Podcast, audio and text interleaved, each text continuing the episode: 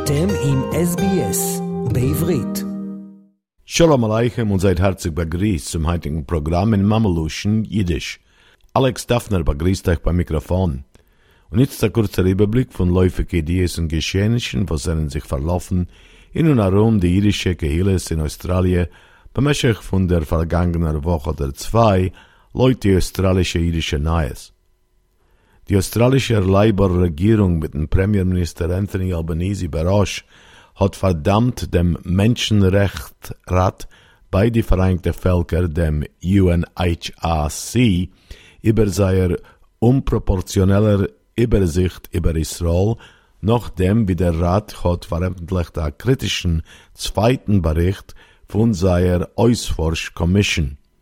Der zweite Bericht, welcher ist erschienen mit der Heudisch zurück, hat vorgeschlagen, als der Sicherheitsrat von die Vereinigten Völker so endigen, was sei rufen, Israels permanente Okkupation und muntern die Mitgliederländer von der Weltkörperschaft, die Vereinigten Völker, zu prokurieren Israels Beamte.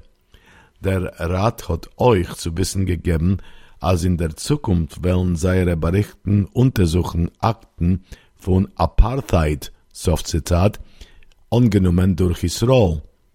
Die australische Vizepermanente Vorstellerin bei den Vereinigten Staaten, Dr. Fiona Webster, hat die Woche erklärt, Australien verfestigt unsere Meinung, als der Menschenrechtsrat halt an unproportionell Aufsicht über Israel.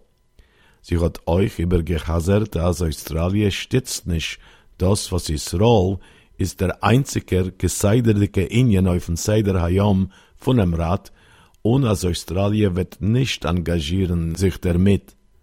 Sie hat euch betont, wir sind ein Maskim, als Israels Yeshuvim auf die Stochen seiner Erstellung zum Scholem und zu weiteren Gesprächen, aber der Bericht von dem Menschenrechtsrat tut wenig zu lindern unsere Sorgen wegen dem Ratsmandat. Sie ist zu breit und die einseitige Vorschlagen beweisen weiter die Einseitigkeit von dem Mandatsgreich. Leider, der jetzige Bericht tut winzig zu avancierendem Derech zu Scholem. Soft Zitat.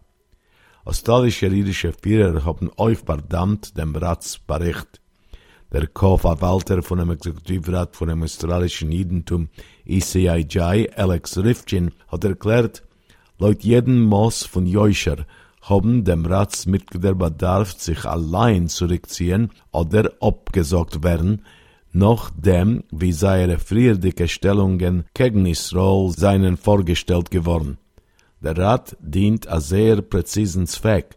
Seine Berichten speisen nahe Kampagnen bei politischen Parteien, hereingerechnet unsere eigene da, wo Anti-Israel-Elementen wollen zitieren die Forschungen und fordern noch mehr pro-palästinenser Policies, nicht guckendig, wie abstoßendig und nicht relevant sei seinen für Australier Bechlau. Soft Zitat.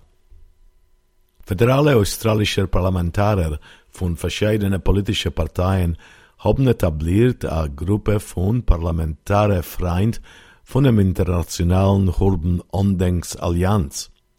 Der Gruppes Etablierung ist offiziell lanciert geworden in dem föderalen Parlament in Canberra, bei der Anwesenheit von anderen Parlamentarier und Diplomaten, wie euch jüdische Kehille-Führers. Die Gruppe wird geführt von die Co-Vorsitzers Josh Burns, der Labour-Parteisvorsteher von der elektoralen Gegend von McNamara in Melbourne, Allegra Spender, unabhängige Vorsteherin von Wentworth in Sydney, und Julian Lisa, liberaler Vorsteher von Barrowra in New South Wales. Der Gruppes erster Schritt wird bestehen, von zu Universitäten in Australien zu muntern sei, anzunehmen, der internationale Allianzes Definition von Antisemitismus. Josh Burns hat betont, wir seien der letzte Dor, was er gekennt, die Lebensgebliebene, ungewinn Eides zu seier übergeben, von so Chroines wegen, was hat passiert. Es wendet sich jetzt von uns fortzusetzen, mit dem Soven überzugeben die Lehre und Geschichtes und dem Emes wegen was hat passiert. So Zitat. Julian Lisa MP hat euch gesagt, dass eine von den Problemen in Australien ist das, was es fehlt a Verstand, von was bestehen verschiedene antisemitische Ausdrücken, wie Muschel das Bezeichnen von irischen Politikers Plakaten mit Simonim von einem Dollar oder Swastikes. Australische jüdische Führer haben kritikiert dem föderalen Gerichtspsaak, als der kontroversale Universitätsakademiker Tim Anderson ist umlegal abgesagt geworden von seinem Posten von der Sydney Universität im Jahr 2019. Über haben gewissen ein Bild von einem nazischen Hakenkreuz auf ein Israel von bei seiner Lektie wegen zivile Gehargete in Asse.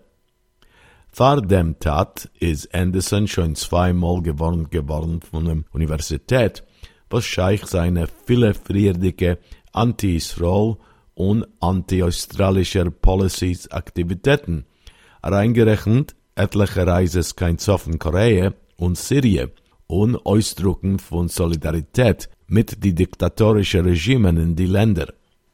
Anderson hat euch beschuldigt, die australische Akademikerin Kylie Moore Gilbert noch ihr befreit werden von einem iranischen Turme im Jahr 2020 mit haben gewinn an Israels Spion.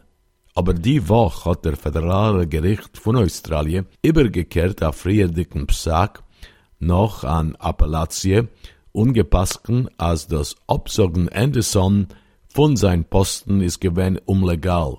Der Richter Thomas Thorney hat gepasken, dass Anderson hat ausgedrückt sein intellektueller Freiheit und anerkennt sein Teretz, als er hat gemacht die Grafike von dem Hackenkreuz auf Israel von für akademische Zwecken zu, wie er teinet, munteren a kritische Analytik und aufweisen a Vergleich zwischen faschistischen Systemen.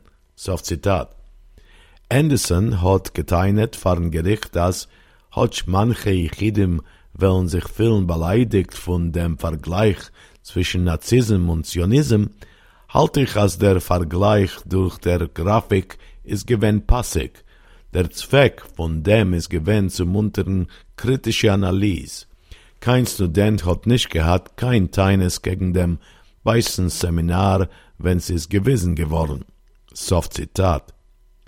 Der Nationale Chechere Bildungsverein NTU, welche hat gestützt Anderson in dem Gericht hat erklärt, als dem Gerichtspsag ist ein Sieg für akademischer Freiheit und gerufen von Sydney Universität zu zurückkehren Anderson zu sein Posten.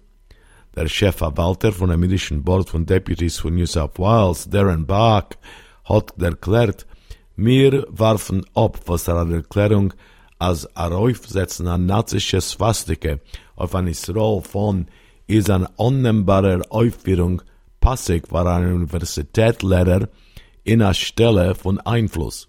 Der Beweis ist stark unsensitiv und verschafft eine tiefe Beleidigung, nicht nur für der jüdische Gehille, nur euch für rechtdenkende Australier, reingerechnet die Veteranen, was haben gekämpft gegen dem nazischen Regime. Leute Gesetzen annummelt angenommen in einem städtischen Parlament von New South Wales, wollte Dr. Andersons Aufführung mit Stamme gewähnen, heimzutag, umlegal. Nazische Symbolen, genutzt auf Asa beleidende Knäufen, wollten nicht bedarf haben kein Ort in akademische Anstalten in New South Wales. Sei seinen Symbolen von Hass, und wir leuben und bedanken wieder der Universität von Sydney für seine prinzipielle Stellung angenommen mit Koyach der Minion. Soft Zitat. Der Co-Verwalter von dem Exekutivrat von dem australischen Judentum ECIJ, Peter Wertheim, hat euch betont, hat mir tun noch übergucken dem Psaak, ist es aber unverständlich, wie er so eine Grafik, was vergleicht Israel mit Nazi-Deutschland, kann bezeichnet werden wie ein Benutz von akademischer Freiheit. Der Fakt, als das ist verspreit geworden wie Lernmaterial in einem Universitätskurs, ist er viel mehr aufreißlendig. So Zitat. Und damit verändigen wir den Überblick von Ideen und Geschehnissen, was dann sich verlaufen in und herum die irische Gehilles in Australien bemächtigt von der vergangenen Woche oder zwei, Leute die australische jüdische Neues. Ist bis mir Herren sich wieder über acht Tag, wünscht euch Alex Daphner a gute Woche, bleibt gesund und all das Gutes. עקבו אחרינו והפיצו אותנו דרך דף הפייסבוק שלנו.